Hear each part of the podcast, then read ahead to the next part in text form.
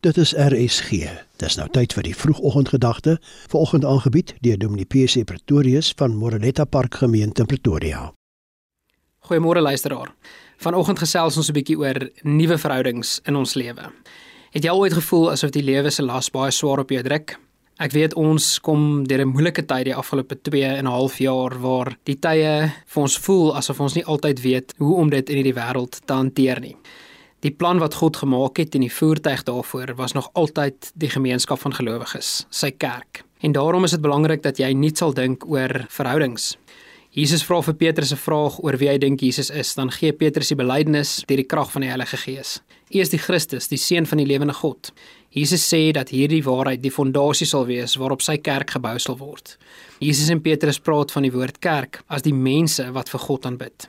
En kerk was nog nooit die verwysing na 'n godsdienstige gebou nie. In Matteus 16 dan sien ons daai belydenis van Petrus. En dan sê dit ook dat die magte van die doderyk sal hierdie kerk se belydenis nooit oorweldig nie.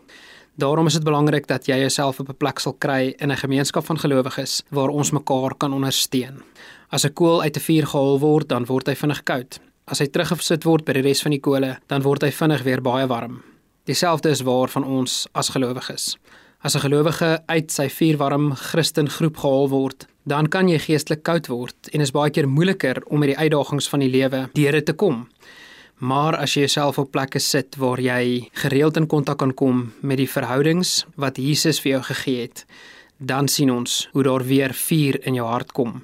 In Handelinge 2 vers 42 en 44 tot 47 dan sien ons 'n voorbeeld van hierdie voertuig wat die Here Jesus gebruik het om sy evangelie die wêreld in te laat gaan. En dit sê hulle het hulle heel hartig toegelê op die leer van die apostels en die onderlinge verbondenheid, die gemeenskaplike maaltyd en die gebede. Al die gelowiges was eensgesind en het alles in mekaar gedeel.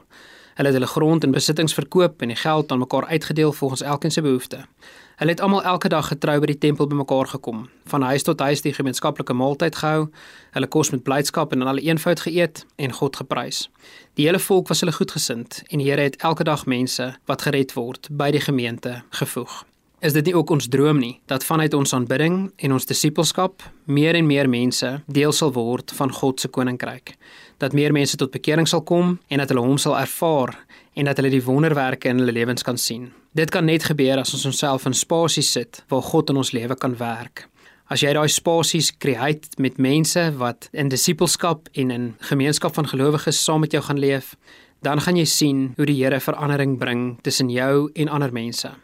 Ek glo steeds in God se voertuig vir die wêreld om meer mense nader aan sy hart te trek. En ons weet, dit is die kerk en dis nuwe verhoudings.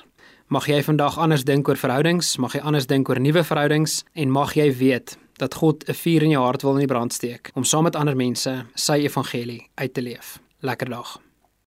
Dit was die vroegoggendgedagte op RSG, aangebied deur my PC Pretorius van Moraletta Park Gemeente in Pretoria.